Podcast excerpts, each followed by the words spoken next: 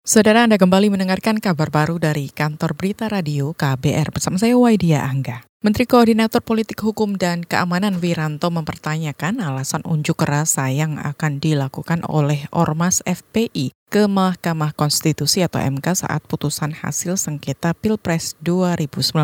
Wiranto mengatakan masyarakat harus menerima keputusan MK sesuai imbauan para paslon di Pilpres 2019. Dan kalau nanti kemudian mereka tetap turun ke jalan dan menimbulkan kerusuhan, tinggal saya cari yang bertanggung jawab. Menko Polhukam Wiranto menegaskan pemerintah tidak akan tinggal diam jika terjadi kerusuhan saat putusan MK. Sebab menurut Wiranto, kerusuhan akan merugikan dan melumpuhkan sistem pemerintahan dan perekonomian negara. Sebelumnya FPI dan Persatuan Alumni 212 atau PA 212 Jawa Barat berencana menggelar aksi dari menjelang sampai hari pengumuman hasil sengketa Pilpres di MK.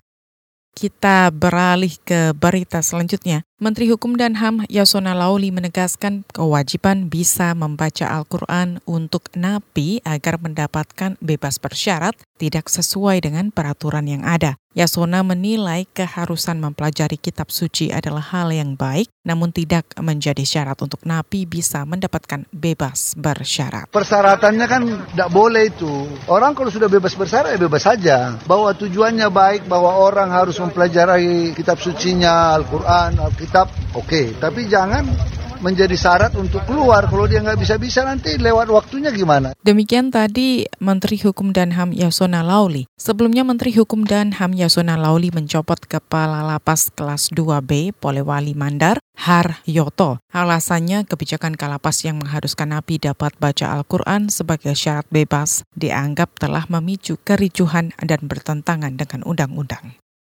Kita ke berita selanjutnya, Ombudsman Republik Indonesia atau ORI berharap penyelesaian kasus tersangka anak yang terlibat saat kerusuhan 22 Mei dapat diselesaikan melalui pengalihan penyelesaian perkara atau diversi sesuai undang-undang. Anggota Ombudsman Ninik Rahayu menyebut proses diversi harus dilakukan sesuai dengan Undang-Undang Sistem Peradilan Pidana Anak atau SPPA dengan tetap memperhatikan poin-poin utama dalam pasal perundang-undangan tersebut. Nah, diversi ini secara tegas disebut di dalam ketentuan pasal 5 ayat 3 bahwa sistem peradilan pidana anak wajib diupayakan diversi. Di pasal 8 bahkan juga mengatur bahwa proses diversi dilakukan melalui musyawarah dengan melibatkan anak, orang tua atau walinya kalau dia tidak punya orang tua langsung, korban ya atau orang tua atau walinya, pembimbing kemasyarakatan, pekerja sosial profesional dengan pendekatan keadilan restoratif. Anggota Ombudsman Ninik Rahayu menambahkan tujuan utama dari pengalihan penyelesaian perkara yakni untuk menghindari dan menjauhkan anak dari proses peradilan sehingga ke depan anak-anak tidak akan mendapatkan stigmatisasi buruk saat kembali kepada kehidupan sosial di masyarakat.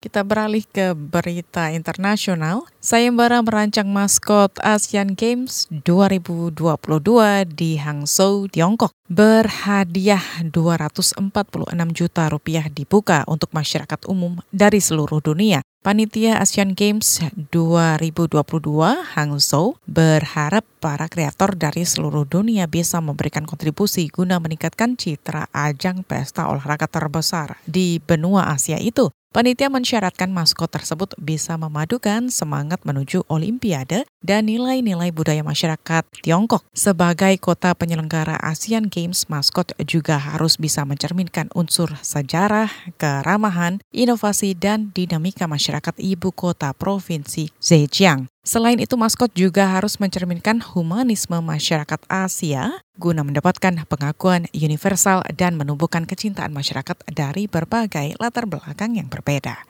Saudara, demikian kabar baru dari KBR. Saya Waidia Angga.